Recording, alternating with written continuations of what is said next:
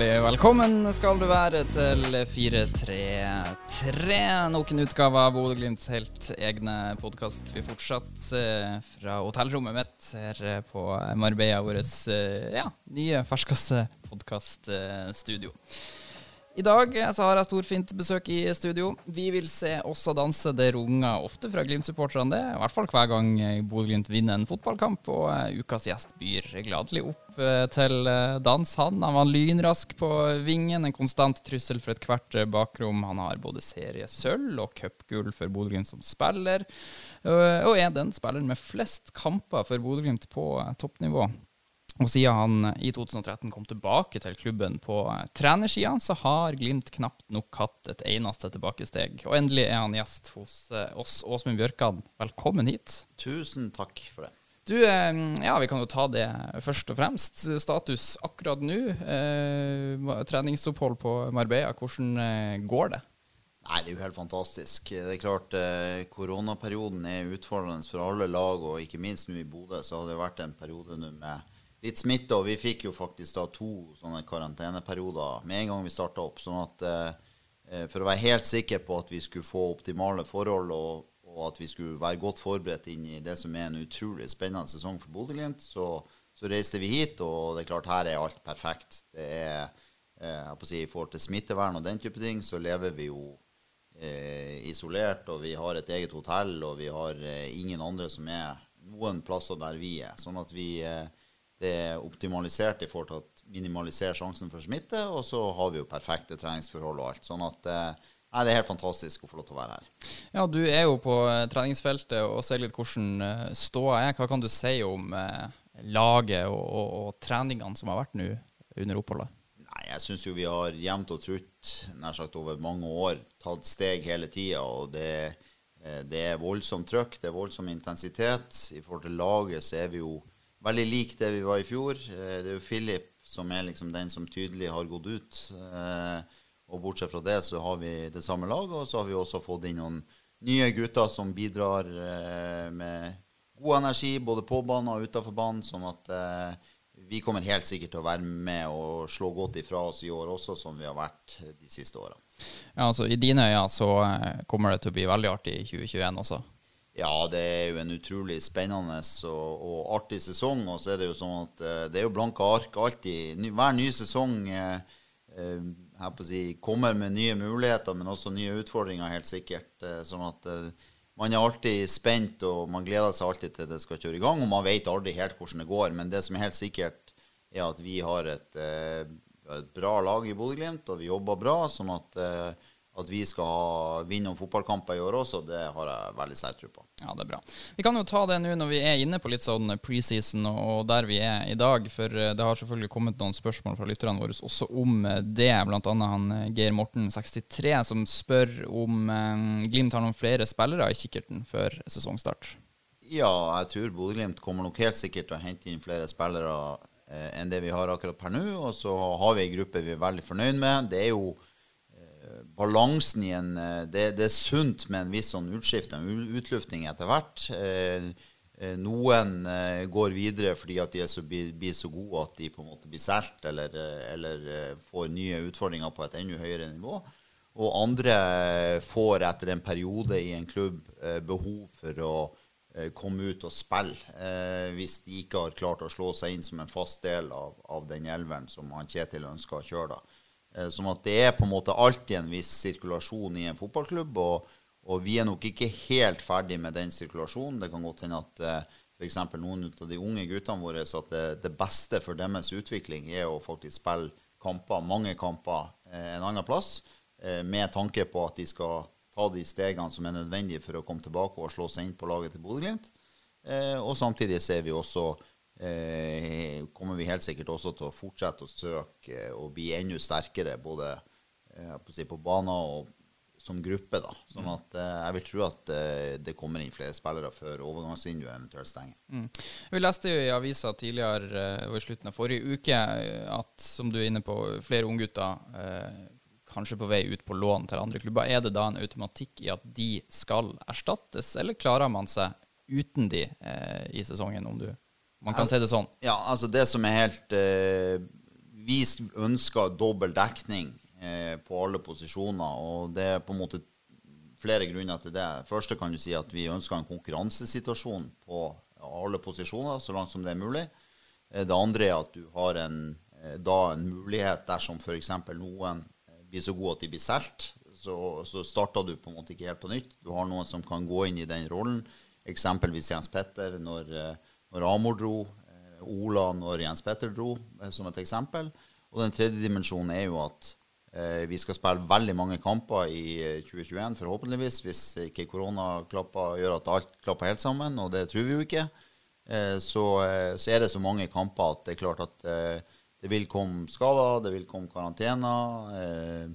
Og det å ha en, en god og konkurransedyktig tropp med spillere som kan avlaste hverandre, Eh, blir utrolig viktig for oss. Eh, I, altså, alle kamper er på en måte like viktige. Det deles ut tre poeng i alle kamper, og enhver cuprunde, om det er i Europa eller om det er i Norge, eh, er du nødt til å vinne for å komme deg videre. Sånn at eh, det er jo på en måte viktig å ha en, en tropp som klarer å håndtere et, et, det som også i år sikkert blir et relativt tett kampprogram med mange kamper på relativt kort tid.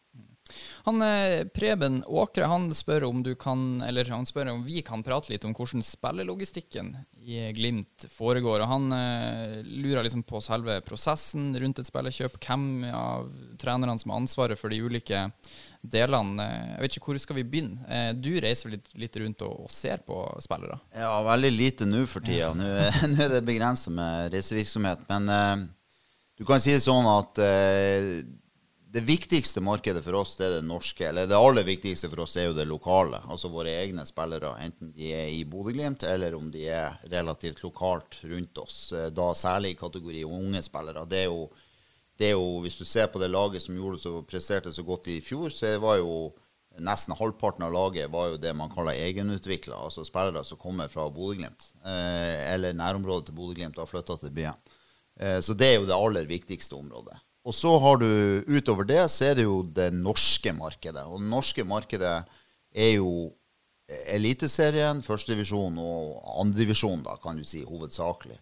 Eh, og der eh, prøver vi å holde god oversikt, eh, nær sagt ved at alle vi som er i og rundt laget, eh, både har kontakter rundt omkring, eh, og eh, at vi at vi ser kampene og holder oversikt over lagene.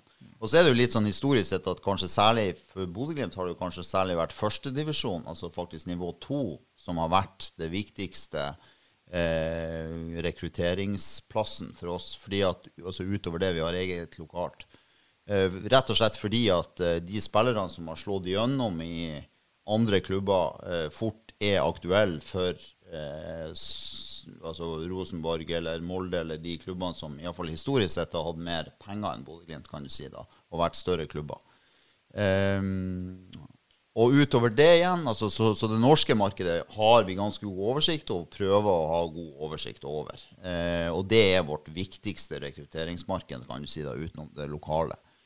Eh, og så utover det så er det jo på en måte Eh, vi følger med til dels. Nå har vi også ansatt, eh, i tillegg til oss som har vært der, så har vi jo ansatt han Robert Hauge, eh, Bodø-Glimt har gjort, som, som eh, forsterker oss på den logistikkdelen, da, altså på en måte, og scoutinga, og klarer å holde oversikt over disse spillerne. For det er klart at eh, altså markedet ute der er jo uendelig stort, eh, og det er helt utrolig hvor mange tips eh, er jo den som kanskje får mest sånn tips i forhold til eh, nye spillere utdannet fra Norge, da, kan du si. Og jeg får sikkert 20-30 sånne tips hver eneste dag. Eh, sånn at det er jo et enormt eh, enorm sånn informasjonsflyt, kan du si, som, som tilsier det.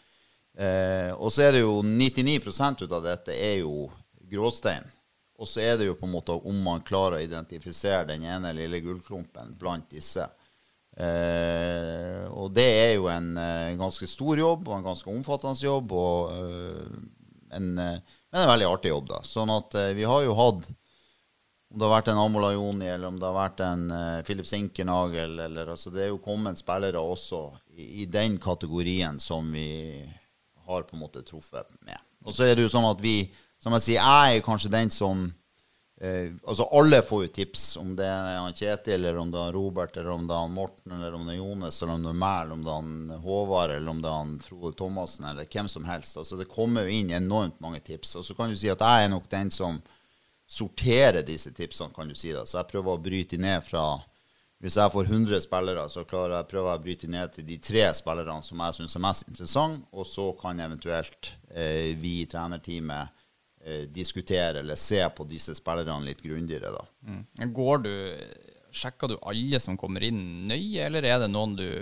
Ja, altså Vi prøver. Altså jeg personlig, i hvert fall. Som jeg sier, det som er Altså Jeg kan sitte og se på en dansk superligakamp, eller jeg kan sitte og se på en allsvenskkamp i Sverige, eller jeg kan sitte og se på en kamp i Tsjekkia eller i Polen eller hvor som helst, eh, og finne spillere som er gode. Men det er klart, derifra til at de er mulig for Bodø-Glimt å få tak i, et ganske langt sprang.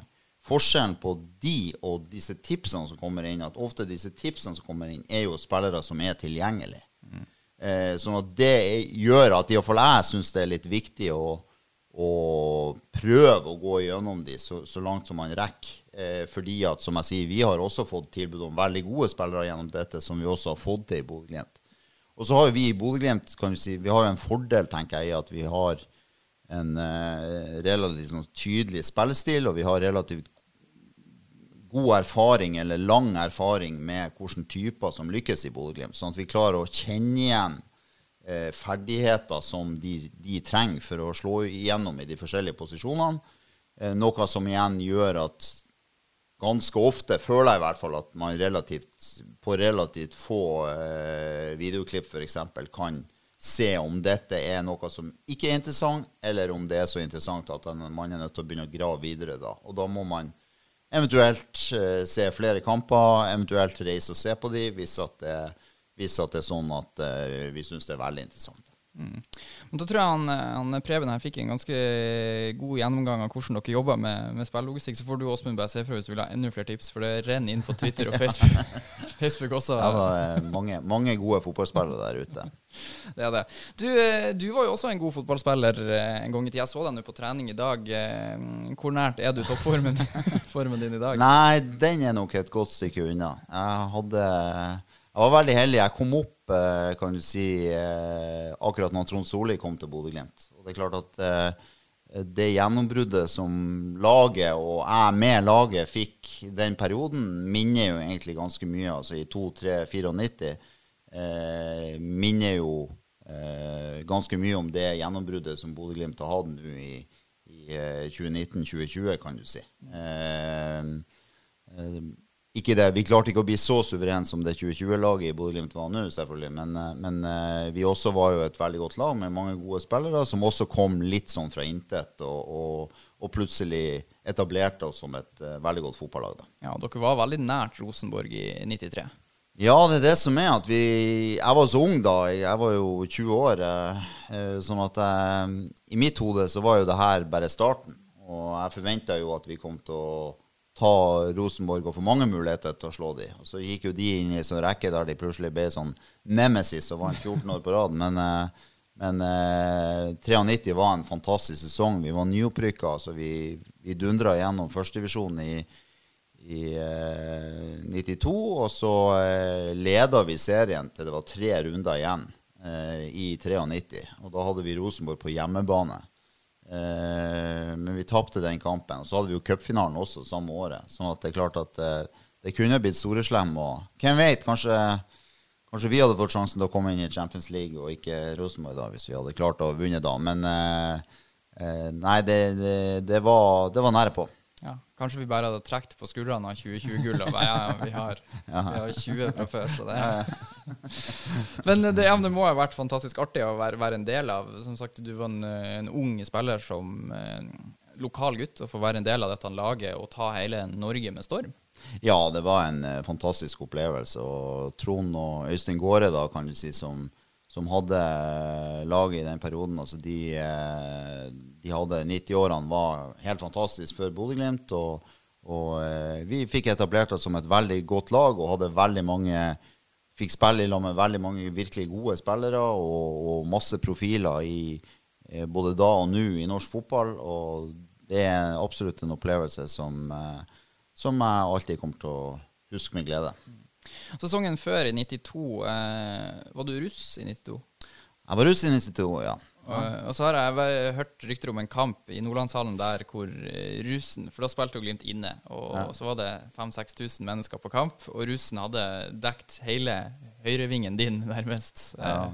Nei, det var, det var, det var, jeg liker å si, det var min dag i sola, det der for det var, det var russetid, og jeg var jo veldig sånn rolig russ, for å si det sånn, da. Men eh, akkurat den kampen der, det var 16. mai, eh, og det var hjemme mot, eh, jeg tror det var Kongsvinger eller noe sånt. Og da, av en eller annen grunn, da, så slo i hvert fall jeg ut håret litt, grann, så jeg kom inn med russelue inn på kampen. Eh, liksom Inn på banen? Inn på banen med full drakt og russelue.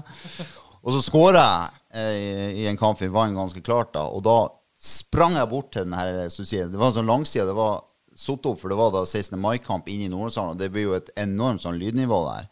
Og helt voldsomt. Og så var det sånn at eh, tribuner var liksom helt inntil banen. Så jeg kunne sprenge rett bort til selve tribunen. Og så ble jeg løfta på en sånn eh, Jeg vet ikke. Ja, her, eh, stage dive. stage dive-variant. Så jeg slengte meg opp og ble liksom sendt oppover eh, på russetribunen der. Så det, det liker jeg å si. Det var min dag i sola. ja, det høres jo Det hørtes jo veldig artig ut. Du, men før du slo gjennom som fotballspiller i Glimt, hva var det Hvor tidlig begynte du med fotball? Nei, jeg, jeg er oppvokst i, på en gård i, på solevannet, og jeg var veldig sånn eh, allsidig aktiv eh, når jeg var ung, så jeg holdt på med litt av hvert. Og var jo ganske Jeg var vel sånn ja, Uoffisiell norgesmester, er det det det heter? Noe som heter i gode gamle dager heter Donald Duck-lekene. Ja. Eh, I Oslo-området en eller annen plass. Og da, eh, da vant jeg. Eh, første året jeg var med. Jeg, jeg mener jeg var som tolvåring. Så jeg var, veldig sånn, jeg var jo veldig hurtig og eksplosiv. Og så eh, presterte jeg da året etterpå, så ble jeg nummer to. Og det skulle man jo tro ikke var så ille, men jeg tapte for en annen fra Bodø da. Oh, ja. Han, eh, Per Kristian Hansen, tror jeg han heter. Sånn at eh, det var jo en brutal eh, Det tålte jeg rett og slett ikke. Så da mm, la jeg mer eller mindre opp eh, på flekken. Eh, så det var min friidrettskarriere. Men du var Eh, sprinter, og, og du jeg var sprinter, et, ja. et slags NM-gull. Ja, jeg hadde Det var et Iallfall i den tida så sa de at det var et uoffisielt eh, norgesmesterskap. Ja. Det må jo. Eh, ja da. Og så eh, Men fortsatt, uansett, så må jeg jo innom at jeg har jo egentlig alltid syntes at fotball har vært det artigste. Og det å være en del av et lag, og det å på en måte være I hvert fall for meg som satt mer eller mindre alene. Jeg får dribla og kjegla oppe på i Skardalen der alene, så var det å få lov til å være sammen med andre, og det er man jo på en måte i friidrett nå, men, men eh, det å liksom være avhengig av hverandre og hjelpe hverandre, det, det var i et eller annet i det da, som appellerte til meg. da, sånn at det Eh, da fikk jeg, når jeg ble nummer to, eh, slått av en bordeværing, så fikk jeg en unnskyldning til å Det er en unnskyldning jeg trengte for å legge opp som friidrettsutøver og fokusere 100 på fotballen. Så eh, jeg er jo født og oppvokst på Innstranda, da, altså på, på Bertnes, og så gikk jeg over til Glimt når jeg var andre år smågutte, mener jeg. Ja. Eh, så da kom jeg liksom inn i Glimt-systemet. Men den farta du hadde eh, Vi vet jo at du brukte den på fotballbanen eh, når du ble eldre òg, men som eh, unge må det ha vært en enorm fordel. Ja da, så jeg, jeg var jo Jeg var veldig hurtig og eksplosiv, faktisk. Jeg, jeg, jeg fikk en litt sånn eh, I eh, 94, i slutten av 94, så fikk jeg en litt eh, stygg skade på en ankel min som gjorde at jeg fikk jeg fikk en blodforgiftning i den ankelen. Så jeg havna jo på sykehus og var egentlig ganske nært med å stryke med. Men, eh, og havna 14 dager på isolat. Og farta mi Jeg ble ikke riktig så rask som jeg ble etterpå, for jeg ødela meg litt grann i den eh, situasjonen da. Sånn at eh, hvis du ser på de gamle bildene, altså 93 f.eks., så er det klart at den farta jeg hadde, og hadde hatt egentlig frem til da, var relativt ekstrem. Og eh, selvfølgelig en stor, stor fordel for meg. Mm. Men eh, vi må høre mer om den skaden. Du sier du holdt på å stryke med. Eh, Det hørtes veldig alvorlig ut. Ja, altså, det, jeg fikk en skade i ankelen, eh, og så var det inn mot eh, Altså, en av de tingene som jeg alltid på en måte sett på Jeg, jeg spilte stort sett alle kampene. Det var uhyre sjelden at jeg var skada. Jeg kunne ha ganske vondt, men jeg, jeg, jeg ønska på en måte å stå i det og hadde det som en litt sånn viktig del av min stolthet, kan du si. da. Eh, men så fikk jeg en skade i ankelen som gjorde at jeg var jo helt sjanseløs. Eh, og fikk litt sånn behandling på den og sånn. Og så, men så klarte jeg å få en slags sånn eh, betennelse i denne ankelen. Mm. Eh, men jeg, jeg, jeg, lå hjemme da. Så egentlig så var jeg nesten sånn i svime når jeg lå hjemme. Og når jeg da endelig fikk surra meg på sykehus, så var det gått så langt at det var gått altså en alvorlig blodforgiftning, og det kanskje sto timer for at eh, det var game over. Sånn at uh, heldigvis så kom jeg meg på sykehus. Uh, det her var rett før den kampen mot Sogndal med den berømte lange tåa til Petter Solli. Så jeg lå på en måte i det lengste hjemme og håpa at jeg skulle bli klar til den kampen. Så når jeg endelig innså at jeg hadde ikke kjangs til å bli klar til den kampen, så kom jeg meg på sykehus. Og da var det, uh, da var det helt på håret at det gikk bra. så da var det tøffe antibiotika og som jeg sier, jeg på å si, dren i ankelen og lå 14 dager på isolat da, på sykehuset for å unngå, uh, unngå noen sånne infeksjoner infeksjon eller noe sånt i, i, på det tidspunktet. Sånn at, uh, men igjen, det gikk bra. Men, men og jeg kom meg tilbake jeg på å si 95 da. Jeg var tilbake på banen. men, men jeg kom jeg nok aldri helt tilbake til det nivået sånn, i forhold til akkurat den farta og eksplosiviteten som jeg hadde hatt før det. Mm. Men da du fikk denne skaden, eh, skaden i ankelen, stemmer det at du fikk gult kort for filming i den situasjonen? Ja, det stemmer faktisk også. Ja. Jeg fikk eh, Jeg ble eh, Det var det, det burde vært et straffespark, men jeg fikk istedenfor så fikk jeg gult kort på filming, samtidig så jeg måtte bare bli kjørt rett på sykehus. Ja. Så det var Å holde på å stryke med, det er ja. brutalt. Ja, da. Ja, han la lista ekstremt høyt, dommeren. Ja, han la, han la lista høyt. Uh, men du eh, kjempa deg jo tilbake til, eh, til, banen igjen, da. I det minste, sjøl om du kanskje ikke hadde helt den farta. Var det en lang vei tilbake, eller var det sånn når du først Nei, jeg var jo veldig Altså, jeg var jo veldig Jeg har jo alltid vært Ikke nå, da. Du, du så treninga i dag, så du kan jo skrive under på at jeg ikke nå lenger er så fysisk sterk. Men jeg har jo aldri, alltid vært veldig fysisk sterk. Og den gode formen min var nok også en medvirkende årsak til at det gikk bra, for det første. Og for det andre eh, så gikk det ganske greit å komme tilbake på et ålreit nivå, så, som du starta med her. Jeg, klart jeg fikk jeg fikk jo 240-50 kamper for Bodø-Glimt på toppnivå, og det, det, er jeg utrolig takknemlig for. Og, og uh, klarte å stå i det. Sånn at eh, det å komme tilbake der, eh, det gikk veldig fint. Ja, og den spilleren da som jeg sa som har flest kamper for Glimt på eh, toppnivå. Kanskje ikke alle som går rundt og, tenk, og, tenker på det, men det er jo også en, en, en bra altså, suksess. Ja visst er det det. Uh, jeg var jo, eh, kan du si, Før jeg ble skada, så var jeg jo sånn type U21-landslag og sånne ting. Og så var det jo ei litt anna tid. Eh, så eh, eksempelvis da vi spilte mot eh, Sampdoria, for eksempel, ikke sant, i 94 og var god og eh, Altså, jeg tror nok at eh, dagens fotball er litt annerledes enn det som var da. For at vi kommer sikkert tilbake til det etter hvert. Men når jeg starta som trener, f.eks., Eh, så var det jo sånn at det gikk ikke an å oppdrive noen video. altså Man måtte få tilsendt type DVD-er av, eh, av motstanderne. Eh, ja. Sånn at det er klart at den tida som er nå, alt er så mye mer oversiktlig og gjennomsiktig. Altså, vi har jo programmer som Når vi får tips om en spiller, f.eks., uansett hvor han spiller hen i verden, så kan jeg gå inn og se de siste 100 kampene han har spilt. og sånn var det ikke da. Sånn at Eh, jeg ble aldri så god at jeg på en måte ble Jeg var nok interessant for andre før jeg ble skada eller sjuk. Eh, men når, etter det så ble jeg på en måte aldri så god at jeg fikk de tilbudene om å dra ut. ikke sant? Sånn som mange andre ut av de jeg spilte sammen med, og som var i det Glimt-laget da, fikk. Eh, så det gjorde jo på en måte at jeg ble en, også en, en klubbspiller. og det det er jo absolutt noe som uh, man er glad og takknemlig for. Mm. Men har du Jeg regner med at du har drømt om utlandet og de store ligaene, du òg? Nei, ikke, så det, var, det, må nå eventuelt ha vært helt når man var helt ung der. Eh, men utover det så har jeg alltid eh, trivdes bra i Bodø-Glimt. Og så er det jo en veldig interessant diskusjon, syns jeg, som fotballspiller. liksom det handler hele tida om å klare å ta de neste stegene. eh, om du er i én klubb eller om du er i flere klubber. Og det er klart det er noe med å, å uh, utfordre seg sjøl hele tida til å ta de neste stegene. Og kanskje for meg, da, sånn som for meg som var i samme klubb i mer eller mindre hele min karriere, så er det klart at eh, man kan nok stille spørsmålstegnet om jeg nådde så langt som jeg kunne ha gjort som spiller, eller hvis jeg hadde utfordra meg sjøl enda mer i forhold til å, å, å reise ut. Eh, om det kunne også ha gjort at jeg kunne ha blitt enda bedre. Mm. Men igjen, jeg er veldig takknemlig for den karrieren jeg har hatt, og det er klart jeg har vært i en flott klubb. Eh, og er jo Bodø-gutt. Og det å Jeg har nå egentlig vært med på alle de gode sesongene Bodø-Glimt har hatt siden 70-tallet, i realiteten. Sånn at eh, det er selvfølgelig noe jeg er veldig takknemlig for. Ja.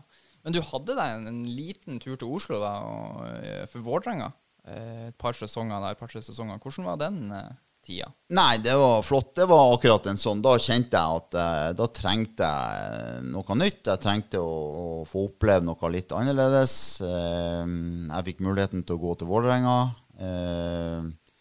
Gikk dit i september 20, 2000. Skulle prøve å hjelpe dem til å unngå nedrykk det året der.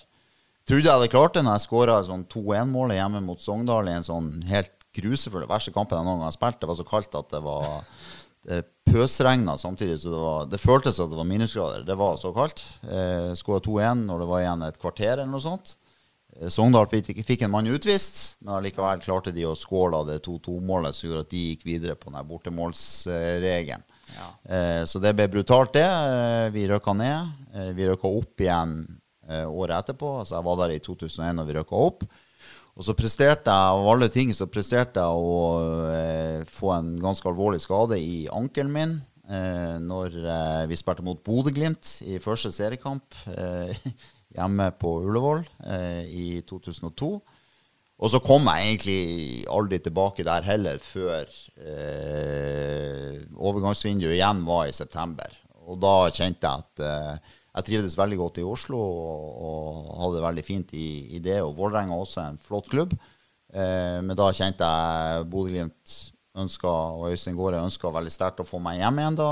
Eh, og jeg kjente at for min del så var jeg mye viktigere for det laget enn jeg var for det Vålerenga-laget på det tidspunktet. da. Mm. Sånn at eh, da ble det naturlig for meg å fære hjem. Og det ble jo en, en, flott historie. Vi hadde jo en fantastisk sesong i 2003. Eh, hvor vi si, tok andreplass i både serie og cup. Eh, sånn at eh, jeg reiste i september 2000 og jeg kom tilbake i september 2002.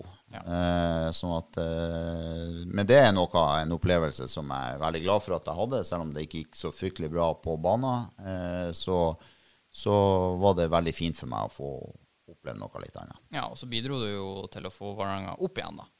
Ja da. Eh, jo da, jeg var med på det opprykket den sesongen. Og, og Vålerenga ble jo også cupmester i 2002.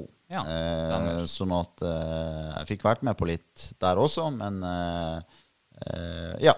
Og det ble en, eh, en fin og Vålerenga er en flott klubb. Men Regnes du som cupmester for Vålerenga? Nei, jeg, jeg, gjør nok ikke det, for jeg reiste før, og jeg hadde ikke ja, Nå husker jeg ikke akkurat hvordan det var, men jeg, hvor mange kamper jeg har, uh, hadde i det cupet, og det husker jeg ikke. Men uh, Du hadde vel huska det hvis du hadde en medalje? Ja da, ja. ja da. Jeg var iallfall ikke med på den cupfinalen og det som skjedde der.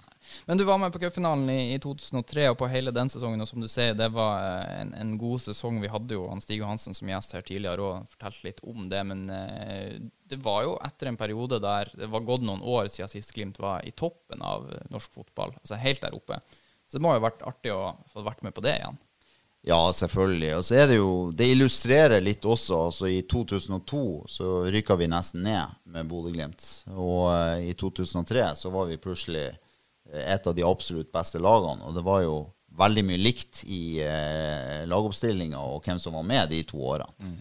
Sånn at eh, det er eh, Man kan ikke si at det er tilfeldig, eh, men det er klart det er relativt sånn marginale ting man holdt på med. Så det er klart eh, God jobbing over tid kan gi veldig gode resultater, og ditto så har vi jo ofte slitt. Altså 93 var jo en helt fantastisk sesong der vi føltes Vi var helt King Kong og følte at vi kunne gjøre hva som helst, og følte at vi burde ha vunnet både serie og cup det året.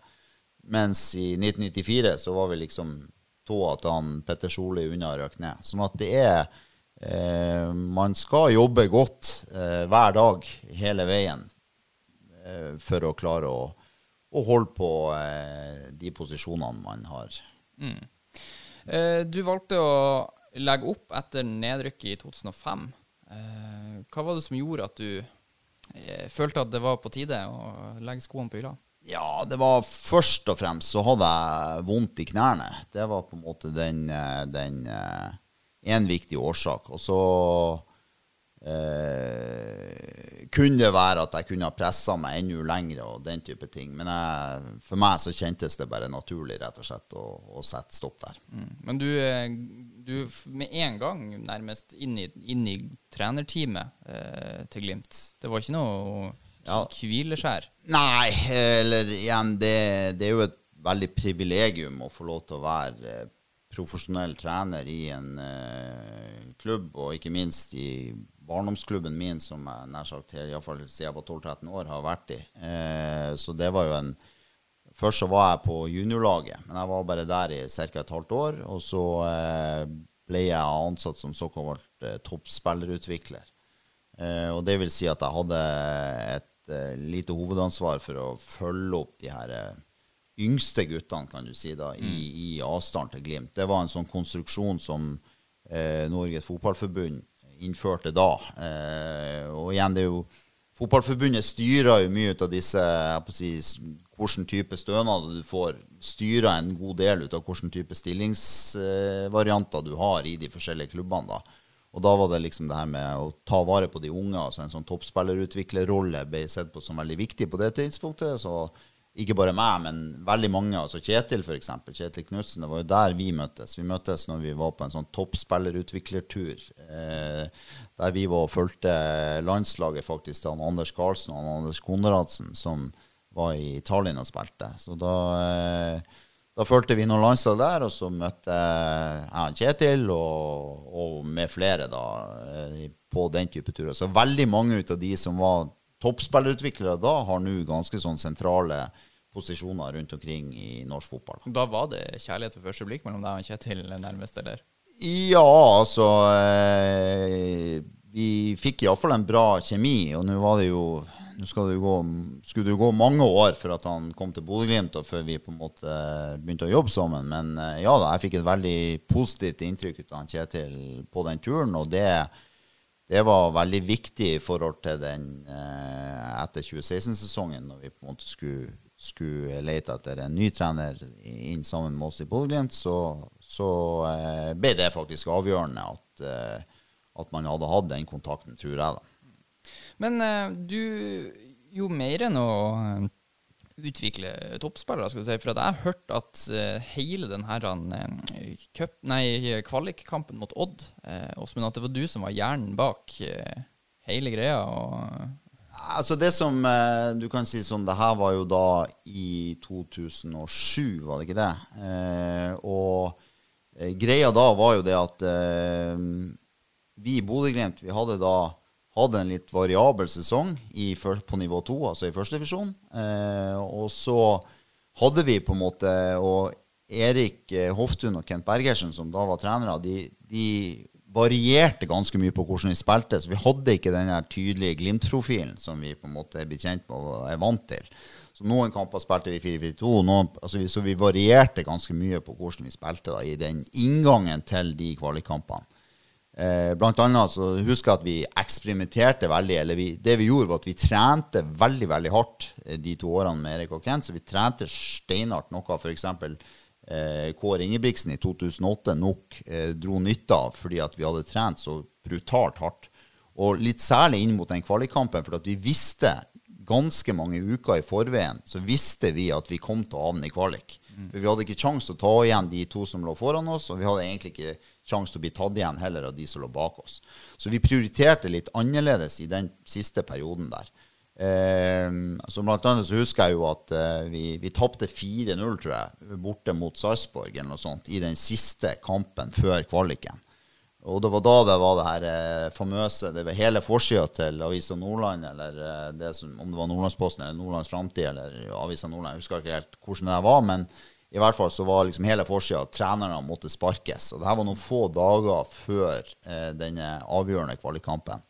Um, og så var det sånn at uh, når vi skulle ned og se på våre potensielle kvalikmotstandere, uh, så var det to lag det sto imellom. Det var Start som kunne ha på kvalik, og det var egentlig sånn at vi trodde alle sammen at Start kom til å havne på kvalik. Uh, og så var det Odd. og det som da skjedde, var at hele laget og trenerne for på den startkampen. Og så ble jeg på en måte sendt på denne Odd-kampen Eh, bare for, for, å liksom være helt sikker, sånn at vi hadde vært der. I tilfelle at de mot formodning skulle bli i det laget som havna i kvalik. da. Du var på en måte backupen? Jeg var på en måte backupen. For ja. vi trodde jo på en måte, vi forventa at Start kom til å klare det, og at de kom til å havne i kvalik. Og, og, som sagt, derfor så reiste egentlig alle de andre på den kampen da. Så jeg satt alene på den Odd-kampen, og så ble det jo Odd. Eh, og så ble det jo en veldig, veldig sånn gunstig inngang både fordi at de helt åpenbart undervurderte oss, eh, i og med at vi hadde vært ganske dårlige inn i den kvalikkampen. Og så slapp vi opp på treninga, sånn at vi fikk faktisk en aldri så liten formtopp akkurat på den matchen. Eh, og så, så, det er jo de viktigste grunnene. Så jeg tror egentlig de, Odd fikk litt sånn sjokk eh, på eh, Og det var på en måte to ting. Det ene var også hvor eh, hvor bra vi var, da, rett og slett. Så vi overraska de veldig, tror jeg, i forhold til hva de hadde forventa oss. Eh, og så hadde vi en god plan. altså Vi hadde analysert de ganske grundig. da, For at eh, det var en, selvfølgelig en helt avgjørende kamp. Det var utrolig viktig for oss i Bodø-Glimt å komme opp igjen i Eliteserien. Og, og, vi hadde utrolig lyst til det, og vi hadde også et godt lag som, som eh, slo godt ifra seg. Så i den, de to matchene der var det jo egentlig aldri noe tvil, selv om vi faktisk fikk en spiller utvist ganske tidlig i, eh, i den første kvalikkampen mot Odda. Ja, og viste vel også i, i 2008 Glimt at eh, de hadde noe på det nivået å gjøre. Så det var ikke Ja, 2008 også ble jo en fantastisk sesong. Det var en uh, Vi ble vel nummer fire, men det er jo sånn vi Trond Olsen banka inn tre mål på Lerkendal, gjorde han ikke det? Og vi slo Rosenborg for første gang på sikkert 20 år. Så det var 32, eh, tror jeg. Ja. Nei, det var helt eh, Det var en eh, fantastisk flott sesong i 2008. Vi har gått litt fort fram her, Åsmund, for jeg ser det er kommet en del lytterspørsmål som handler om eh, 90-tallet, så vi kan bare skru tida bitte lite grann tilbake og, og, ta med oss de, sånn at vi har de også med oss. Det blant annet snakkes fra folk om et mål i siste serierunde mot Viking i 95. Ehm, jeg var to år da, så jeg husker ingenting av dette. Men du gjør kanskje det. Hva er det Glimt av verden og andre her eh, lurer ja, på? Da får vi jo nesten se om vi finner det. Nei, det var et eh, det, det, ble et veldig fint mål. Det var en, eh, en klassisk gjennombruddspasning der jeg på en måte stikker i bakrom. Noe som jo var det jeg var best på. Jeg var langt bedre til å sprenge inn bak motstanderne enn å få ballen i front av motstanderne. og så blir den ballen akkurat så lang at jeg ser at jeg kommer ikke til å rekke den eh, før keeperen kommer ut. Ja. Så det blir på en måte en, en, duell der keeperen kommer rett på, og der jeg eh, Min opplevelse er at jeg ikke kommer til å rekke ballen. Men det jeg gjør da, er at jeg, da, da finter jeg at jeg pekker borti ballen, og så sprenger jeg rundt keeper. Så jeg, jeg på en måte jeg, jeg tar runden rundt keeperen, og det som skjer, er at rett og slett at keeperen blir finta. Så han går etter meg, og så triller ballen rett frem. Ja. Og så springer jeg rundt keeperen, og så eh, rekker jeg å, å, å, sette han i mål på andre sida av keeperen. Ja.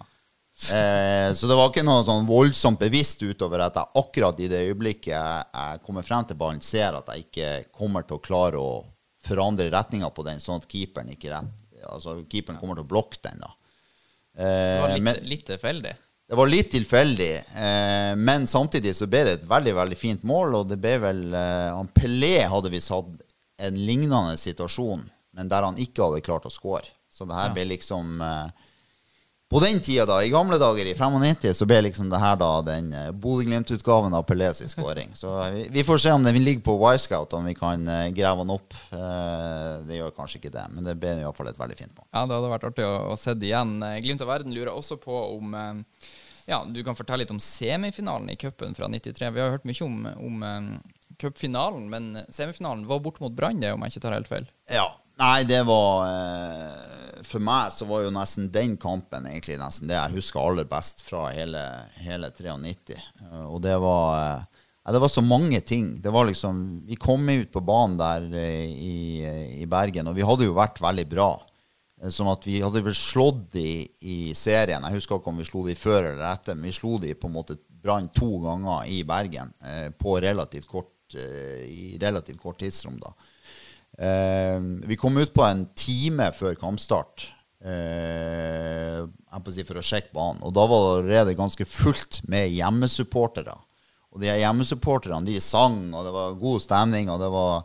Jeg husker veldig godt at de sang liksom eh, 'Reinsdyr på banen, det er reinsdyr på banen'. Så det var litt eh, god, gammeldags eh, erting der, da. Eh, en time før kampstart, som sagt. Så det var, liksom, det var en fantastisk stemning på den kampen. Eh, og så var det òg litt sånn som nær sagt den russehistorien, så var òg det der litt min sånn dag i sola. For at, uh, det var en kamp der uh, jeg skåra to mål. Uh, vi vant 4-2. Altså, vi vant 4-2. Vi leda 2-0 eh, ganske tidlig. Og så skåra vi Eller så skåra Brann to veldig lettvinte mål. Så han Trond Solli, da, som ble intervjua et, et av de beste intervjuene han noen gang har sett da, i pausen, ble intervjua, og, og de spurte han om han var fornøyd. da, om han var fornøyd. Så han ja, klart vi er fornøyd, vi har skåra fire mål. Så han, eh, han eh, Trond er veldig god på de her one-linerne. Eh, og så eh, var det en jevn kamp, og så skåra jeg 3-2-målet.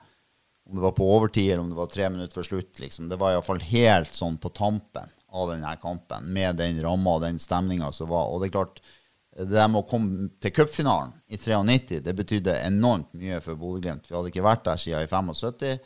Eh, og liksom det å, å, få den muligheten igjen til å gå til cupfinalen, det var virkelig, virkelig stort. Eh, og samme, det var vel han, eh, et intervju til. Han Ivar Morten Nordmark ble intervjua. Eh, han var på benken da, og har jo de eh, flotte lokkene sine, og ble intervjua eh, når han skulle inn. Altså liksom Ja. Han ble liksom intervjuet, han, han drev og varma opp. Så tror jeg han ble intervjua liksom, på indre bane, hvor han liksom sier noe sånt som at uh, Ja, om du skal inn på Ja, må vel inn på det. Skal vel avgjøres. Og så var det han som på en måte heada ballen ned til meg da på mer eller mindre blankt mål. Uh, sånn at han hadde sine ord i behold. Så det var en uh, Det òg var en helt det er kanskje den enkeltkampen kan du si, som jeg husker best i løpet av min karriere. akkurat den kampen der. En god opplevelse mot Brann. Med andre ord eh, så har du en annen mot Brann, eh, Åsmund. Du skjønner sikkert hvor vi skal. Det er også mange som eh, lurer på dette oraklet i nord. Eh, Det var straffekonk mot Brann i cupen i 2004. Ja. Og så går du for Panenka. Ja, eller det som eh, Historien bak den er jo det at jeg var jo ingen eh, bunnsolid straffeskytter. Og jeg tok jo kanskje ei eller to straffer i løpet av hele min karriere utenom straffekonker. Eh, og det her var straffe nummer eh, syv eller åtte. Altså det, var, det, det var jo sånn at jeg i utgangspunktet ikke hadde spesielt lyst til å ta straffe. Eh, sånn at det var jeg, var jeg var langt ute i rekka. Eh, og så hadde han og Håkon Oppdal, mener jeg var som sto da, han hadde slengt seg på alle de sju første. Eh, og så skal ikke jeg legge skjul på at akkurat det der med å liksom ta en tilfart og ta den panenka, det var det, noe jeg aldri hadde gjort før. Eh, sånn at, eh, men iallfall altså ideen bak var at jeg hadde for det første ikke veldig lyst til å ta straffe. For det andre så hadde jeg observert han, så han hadde på en måte slengt seg de første sju straffene. Eh, så ideen min var jo på en måte å, å late seg skulle skyte, og så eh, sette han midt i mål, litt sånn høyt, da. Men, og det var ikke, for det var ikke sånn lavt. Jeg traff liksom litt sånn opp i målet. Men problemet var jo sannsynligvis at han veldig enkelt klarte å lese min bevegelse inn på ballen og så at det her, her nå kommer det et eller annet fiksfakseri. For jeg så, sånn, jeg så sannsynligvis ikke helt sånn komfortabel ut med situasjonen da. Eh, så det ble jo selvfølgelig fryktelig flaut når han sto og venta og eh, ble skjelt ut av medspillere ble skjelt ut av, av trenere og ble skjelt ut av gud og hvermann i media. Og eh, ja, jeg har jo hatt noen sånne runder der jeg har fått mye kjeft, men så mye kjeft som jeg fikk etter den, og det var litt sånn det var litt overraskende for meg at jeg fikk det. Eh, fordi at som sagt, altså Ideen var på en måte ikke noe feil med, sånn som jeg ser det sjøl, men det er klart at utførelsen var elendig.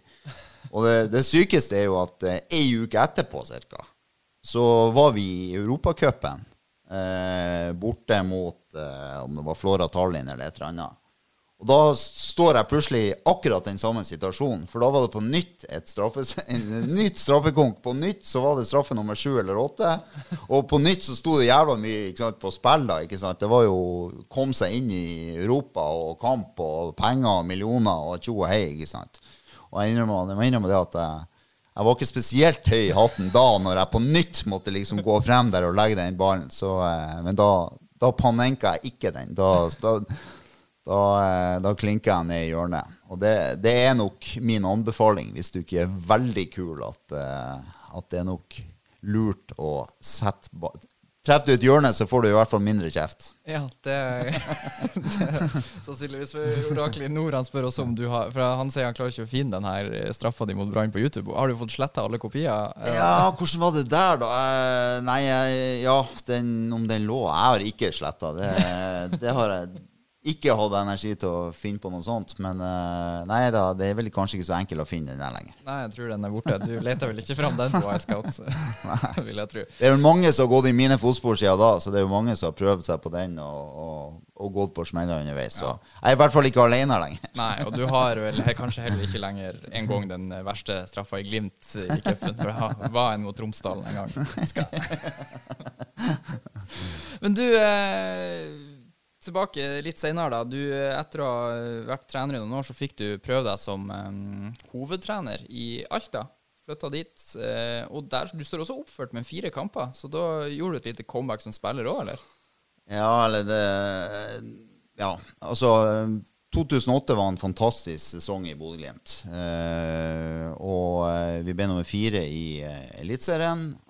og så kjente jeg bare for min egen del at Eh, og jeg, jeg, har vært litt sånn bestemt på det at jeg skulle ikke eh, Som spiller så var jeg i en klubb, og som spiller så, så, tror jeg at det er noe som er sunt med at man beveger litt på seg. Jeg, jeg tror at det er sunt å få nye utfordringer.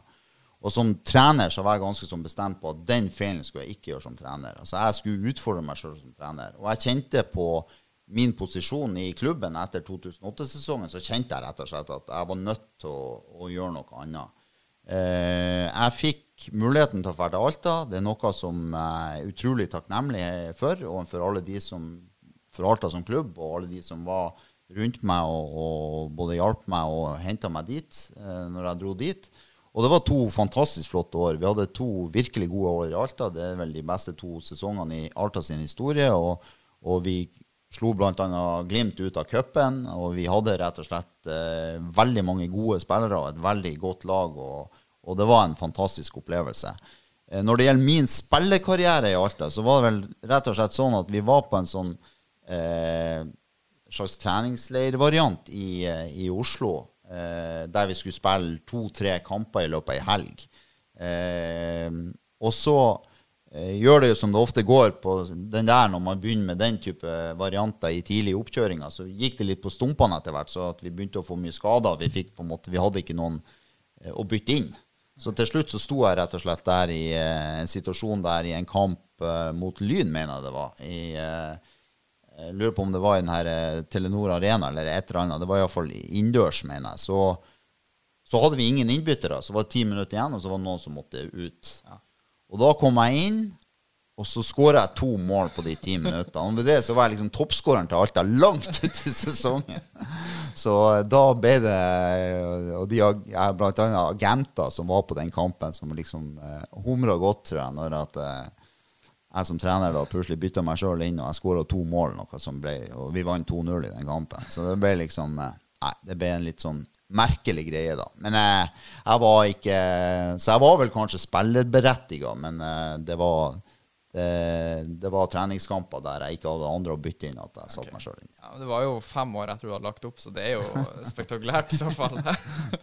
Men uh, du sier det sjøl at det var en, en god sesong, og 2009-sesongen er vel den beste sesongen alt. Altså sånn tabellplassering av sjetteplass i Obos-ligaen? Ja, og så hadde vi jo uh, Det var òg en sånn uh, eh, jeg var jo helt fersk som hovedtrener og kom opp dit. og det var jo et uh, utrolig lærerikt. Fikk uh, flinke folk rundt meg som, som hjalp meg. Og hadde, vi hadde som sagt et veldig godt lag. Så det, det var helt sikkert forutsetninger og potensialet for at det skulle gå enda bedre der. Men uh, ja, det var den beste sesongen Alta har hatt. Og vi kom også da videre i cupen. Kom ganske langt i cupen og røk vel for Molde i kvartfinalen eller noe i den stilen der. Um, der de skåra 1-0 helt til slutten, etter at vi også hadde slått ut Bodø-Glimt. Eh, sånn at eh, det var fantastisk eh, år, og, og, fantastisk mange gode spillere som var der oppe. Ja. Som jeg var veldig veldig glad i, og fortsatt er veldig glad i. Både klubben og, og alle de som er der. Ja, og 2009, da var jo Glimt eh, slet jo Eliteserien. Og det ble 3-0, tror jeg, den kampen der. Uh, var det ja, det var vel litt sånn Jeg mener, jeg husker jeg pratet med Håvard Sakariassen blant annet, mener jeg var med på den kampen. og Jeg tror han brukte noen sånne ord som at de var, Bodø var fullstendig sjanseløs. Ja. Så det var en voldsom sånn trøkk i å gå i hele det Alta-laget den dagen der, ja. Mm. Så eh, gikk turen videre til Ranheim da, som trener. Der fikk du òg eh, vært noen år.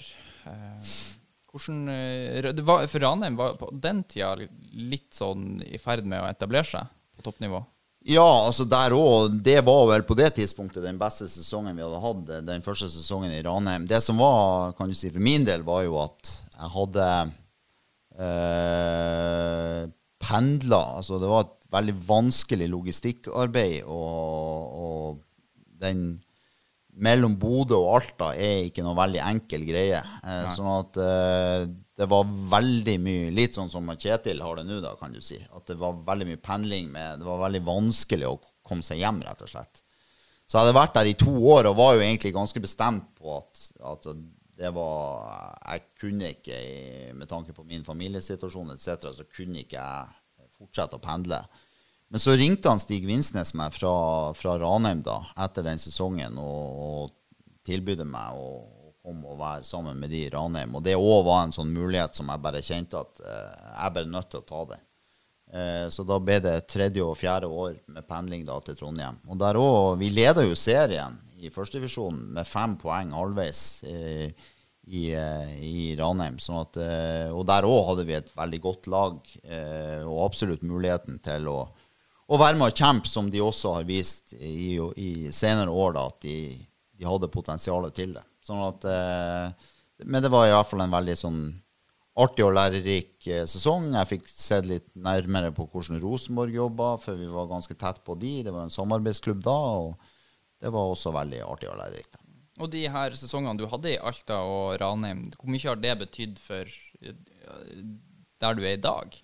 Nei, for min del så har det nok betydd alt eh, i forhold til at man faktisk fikk muligheten til å vise at man hadde noe å bidra med. Eh, det er jo eh, Fotball er jo litt sånn at man må jo på en måte få mulighetene. Det er jo den eneste muligheten man har til å vise at man duger. For det er veldig lett å sitter bak et skrivebord eller sitte bak en uh, mikrofon eller, og, og høre ut som at man får ting til. Men det er noe litt annet å faktisk gjøre det i praksis. Sånn at eh, det, å, det, at jeg fikk sjansen i de to klubbene, har nok, er nok det som har vært avgjørende til at jeg fortsatt er i fotballen på et såpass høyt nivå. Da.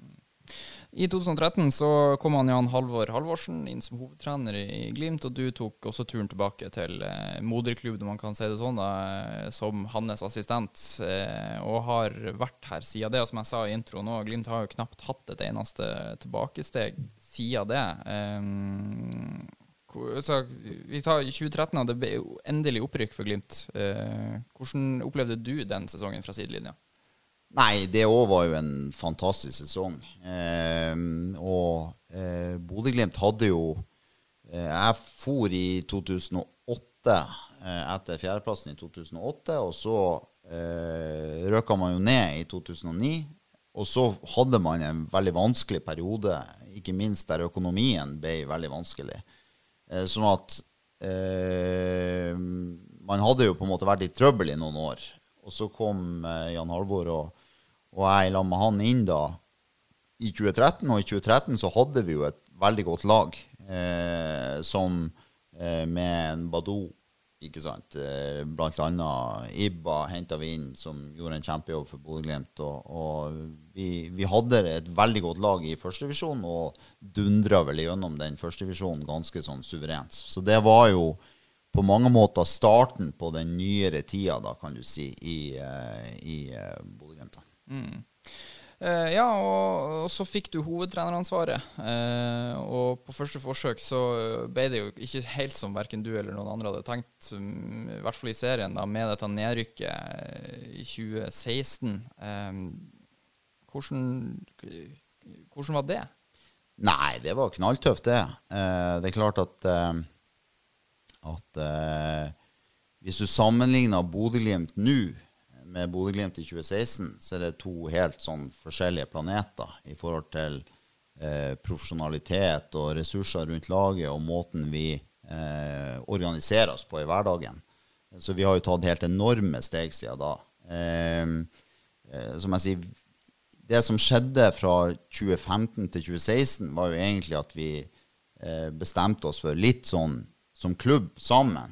Eh, noe jeg er veldig sånn ivra veldig for og syns er veldig viktig, da, at vi bestemte oss for at vi, vi trengte et slags generasjonsskifte. Vi trengte eh, unge, lokale spillere. Måtte få en mer sentral posisjon i klubben og på laget enn det vi hadde hatt frem til da. Uh, og jeg i hvert fall kjempa for og mente veldig tydelig at vi hadde også spillere med potensial til det.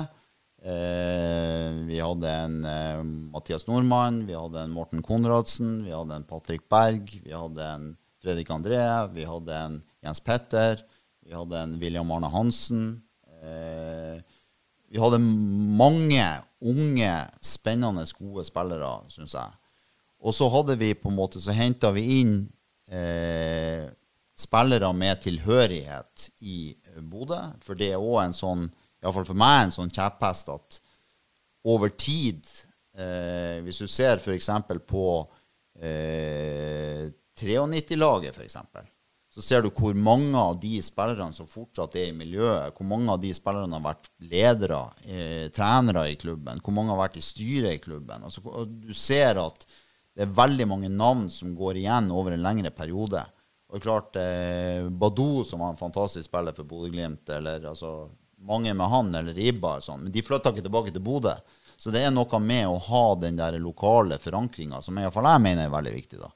Så vi henta f.eks. tilbake en Martin Bjørnbakk, eh, eksempelvis. ikke sant? Så, eh, så vi, vi satsa veldig sånn ungt og lokalt i 2016. Eh, og så gikk det nesten. Og når det bare gikk nesten Vi hadde helt klart potensial til å klare oss også i 2016. Eh, og vi lå jo veldig godt an. Altså, vi hadde jo 30 poeng eh, fem runder før slutt, og, og, følte jo på mange måter at vi var litt sånn berga da. Hun hadde jo også da semifinalen i cupen eh, borte mot eh, Rosenborg eh, igjen.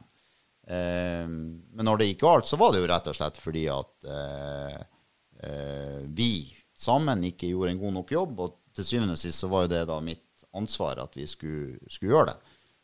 sånn at vi gjorde ikke en god nok jobb. Det var brutalt, det var knallhardt. og det er klart det å mislykkes i fotballen, det er litt sånn at da da kommer det ut jævla mye Da kommer det ut mye, for å si det sånn, fra folk som eh, gjerne kan jatte med deg når det går bra, men eh, når det går dårlig, så får du i hvert fall se hvem som er ekte, og hvem som ikke er det, og hva folk egentlig mener. Eh, sånn at det ble Det var en brutal runde. Men heldigvis for min del, og også for Bodø sin del, vil jeg påstå, så fikk jo Så var jo på en måte jeg hadde i hvert fall nok ryggdekning der, eh, til tross for at det gikk galt. Eh, og til tross for at det var noen folk som ville bli kvitt meg relativt umiddelbart, da, så hadde jeg i hvert fall nok ryggdekning til at jeg i hvert fall fikk peile ut den retninga i forhold til hva vi trengte for å ta de neste stegene. Eh, rundt teamet, eksempelvis med Kjetil inn, og på en måte litt i forhold til tankegodset. Eh, for, for, som jeg sier, det var deler av det tankegodset som var veldig bra, og så var det deler av det som ikke holdt mål. Og det tydeligste var jo det at vi klarte ikke å gjøre en, en god nok jobb i hverdagen. Det var liksom det å Fokuset som Bodø-Glimt har hatt på treningshverdagen, fokuset vi hadde på utvikling der, er jo kanskje den største sånn enkeltendringa fra tida før eh, 2017, kan du si, og etter 2017.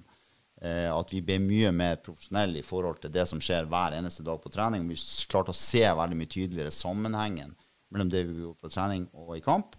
Eh, samtidig som at han Kjetil også med sitt litt sånn utenfra-blikk Han kom inn med et blikk eh, på det vi gjorde, også i forhold til struktur. For den grunnleggende strukturen er den samme som, som Bodø-Glimt hadde eh, før han Kjetil også. Men det, han, det vi gjorde, var at vi klarte å bygge inn Kjetil sine største styrker eh, på presspill, på måten vi beskytta egen boks på, og det klarte vi òg på det fokuset på knallhard trening. Så de to tingene kombinert gjorde jo at den skuta veldig tydelig, og kombinert med mange unge, lokale spennende spillere som på en måte hadde fått et slags gjennombrudd kan du si da i 2016. Så hadde vi en veldig sånn fin grunnmur å bygge eh, videre på. Så du kan si sånn at når vi overlevde 2017, eh, som jo også, til tross for at det var kanskje den beste sesongen noen gang i førstedivisjon, og noe lag eh, ble en veldig turbulent sesong, eh, så, så hadde vi på en måte lagt et grunnlag som gjorde at vi kunne bygge veldig fint videre derifra. Ja, og det kan man jo trygt si at den jobben er blitt gjort, og det har jo gått veldig bra. og jeg satt og tenkte litt på når du prater her, at en spiller eh, som jo er et godt eksempel på den utviklinga Glimt har hatt de siste årene, er jo Ulrik Saltnes, som virkelig slo gjennom i 2017, og i dag en av de beste spillerne i ligaen. Eh, hvordan ser du på hans utvikling eh, oppi det her? Han har jo fulgt dere hele veien. Ja, ja. Nei, Ulrik er jo en, også en helt fantastisk historie, og det er utrolig artig å se på den spilleren han Ulrik har blitt. Eh, og altså, alle har jo sett uh, hele veien at Ulrik hadde masse gode ferdigheter, masse kvaliteter. Og så var det noe som uh, lå sperra for ham, for han fikk jo på en måte sjansen flere ganger over flere sesonger uten at iallfall vi som var trenere da, følte helt at han klarte å ta den. Men så knakk han veldig tydelig noen koder, og det her mentale, altså Bjørn Mannsverk og måten han, Bjørn og han Håvard Sakariassen har jobba på det mentale i, i, klubben på, har jo vært fantastisk. Og, og Ulrik sjøl sier nå vel at, at det med flere, Ulrik med, altså Patrick også, og Lode og mange av de spillerne som hadde den aller beste utviklinga hos oss de siste årene, trekker jo frem måten de jobber med det mentale, og måten de er til stede hver dag på, eh, og eh, klarer å glede seg til hver dag, og det de skal gjøre, eh, som veldig viktige forutsetninger. Så, så den utviklinga Ulrik har hatt, er helt fantastisk. Nå er han helt klart, kan du si, en veldig god spiller som leverer stabilt veldig godt. Han er en leder i, i, i vårt miljø og i vår klubb. Eh, så det er kjempe, kjempeartig, den utviklinga han har hatt. Mm. Så får vi jo håpe at utviklinga til både han Ulrik og, og, klubben og alt uh, fortsetter. For 2020 var jo helt vanvittig artig. Jeg regna med at du òg kosa deg i, i, løpet av det året?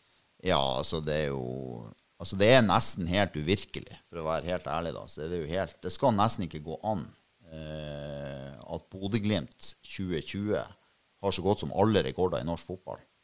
Altså, du, når du ser på ligningslistene eh, fra fjoråret og ser at eh, Rosenborg-spillerne eh, tjener eh, fire ganger så mye som Bodø-Glimt-spillere, og så tenker du på at altså, Bodø-Glimt 2020 står med altså, Vi slo rekorder som var sittet i 1960.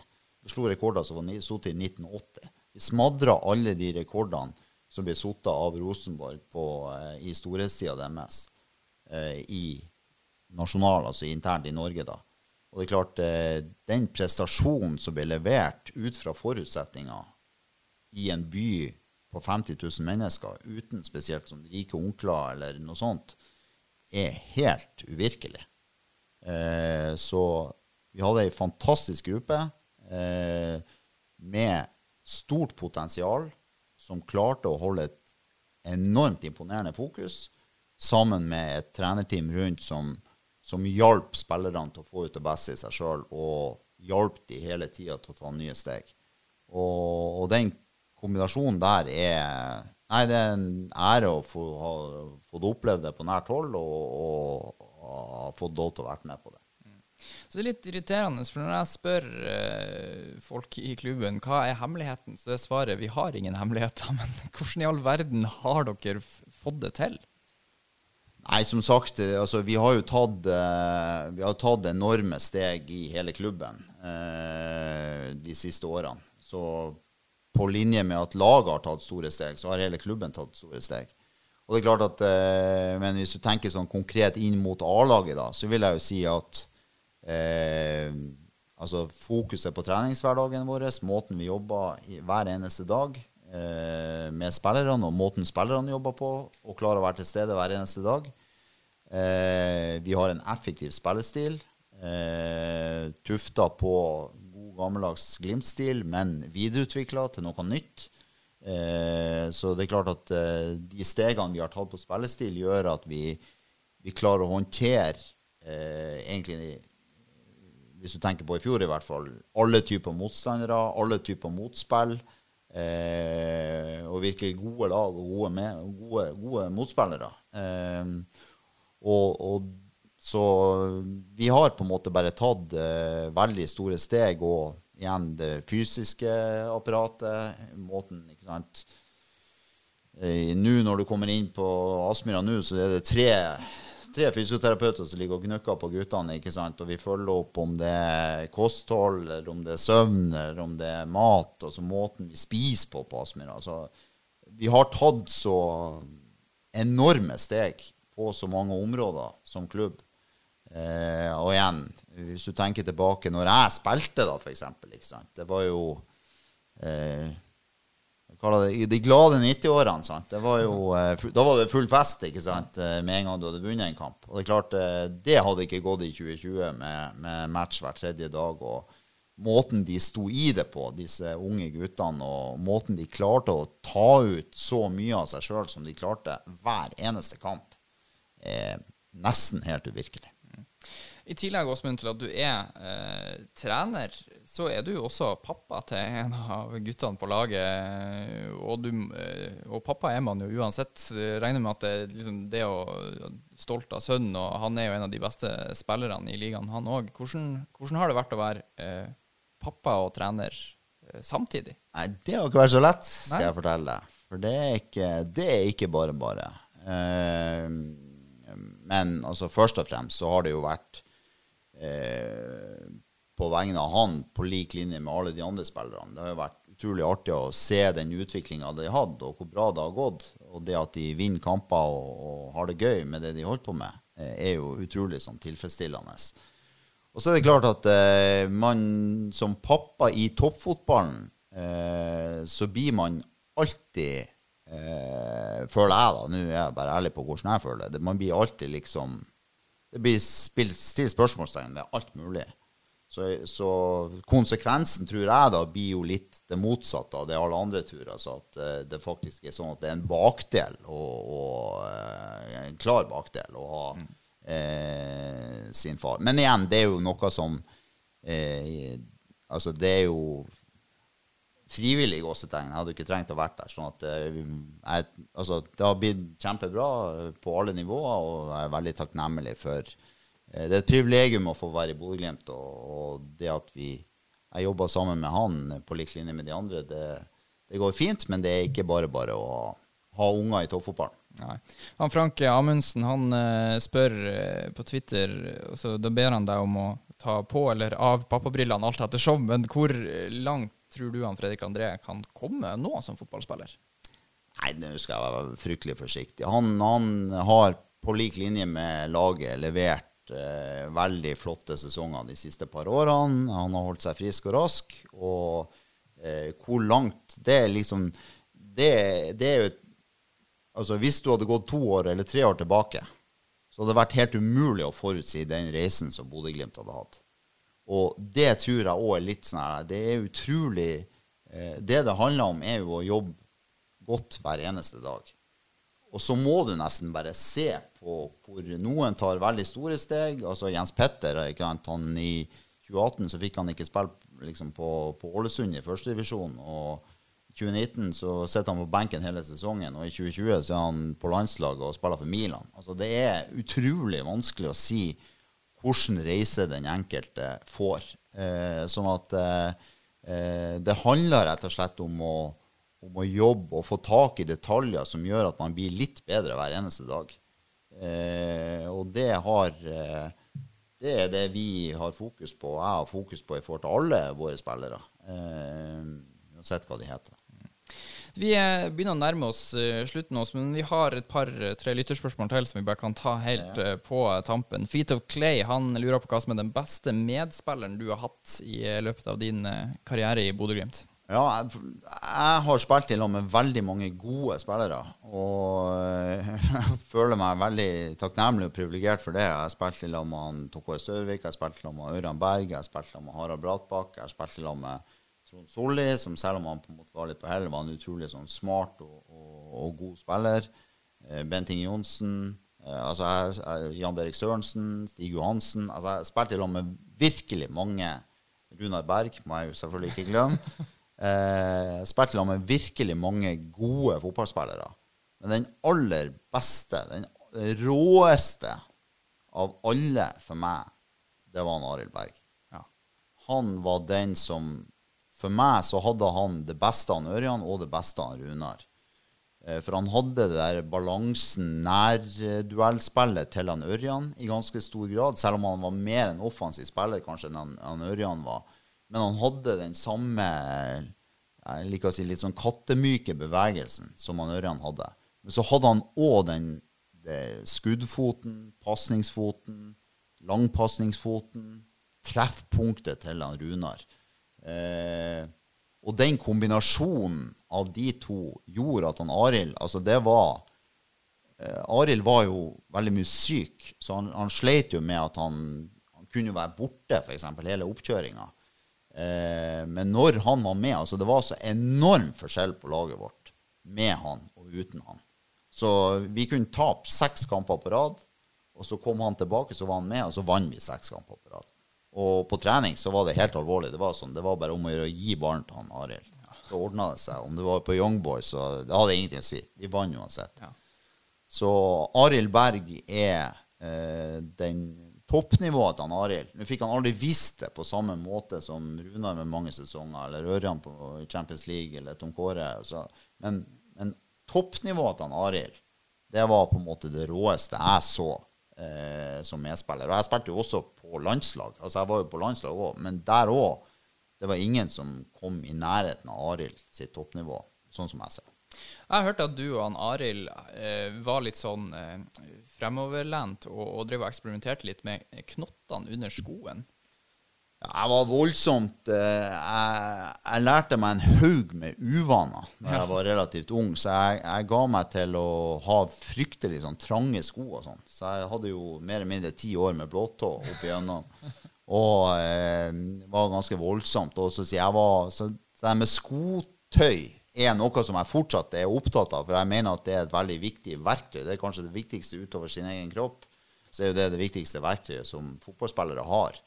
Eh, men jeg var jo Det ble jo en sånn sykelig variant på det. Eh, jeg dro det til et sånn sykelig nivå, da.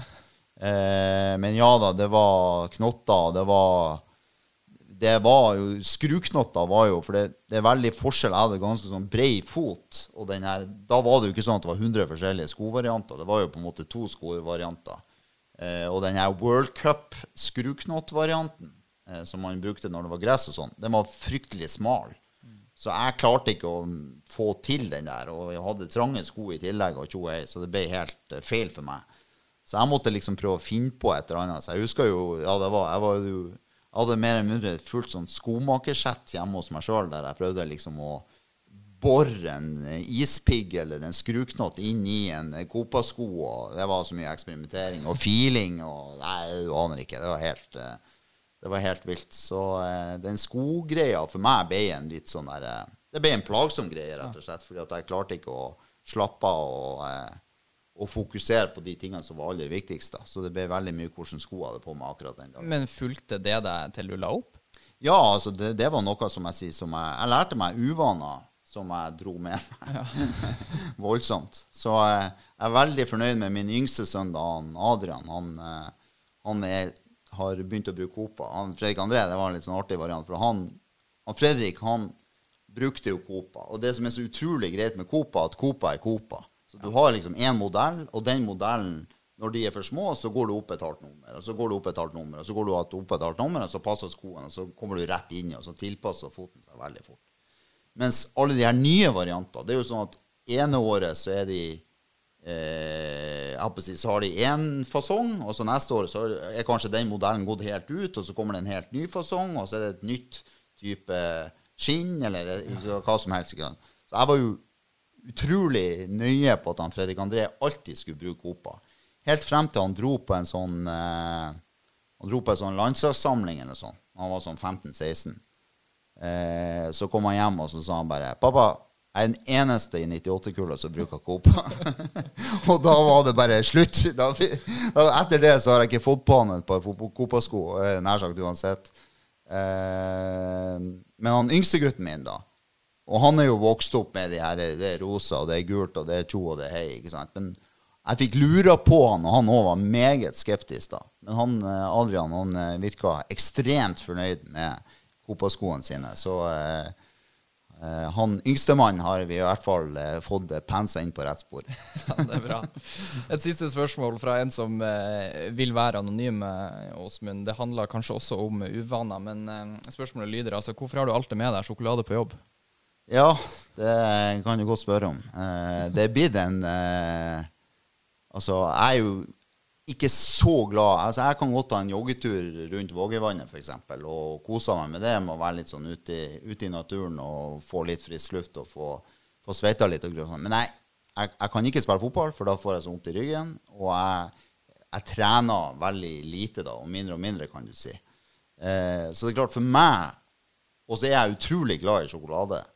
Så nå har det på et eller annet vis nå på Aspmyra så det blir en helt vanvittig sånn uvane med at en eller annen, jeg vet ikke hvem det er, driver og legger inn 200 grams sjokoladeplater. Så bortimot hver eneste dag når man kommer på jobb, så ligger det 800 gram sjokolade inne på, inne på trenerrommet.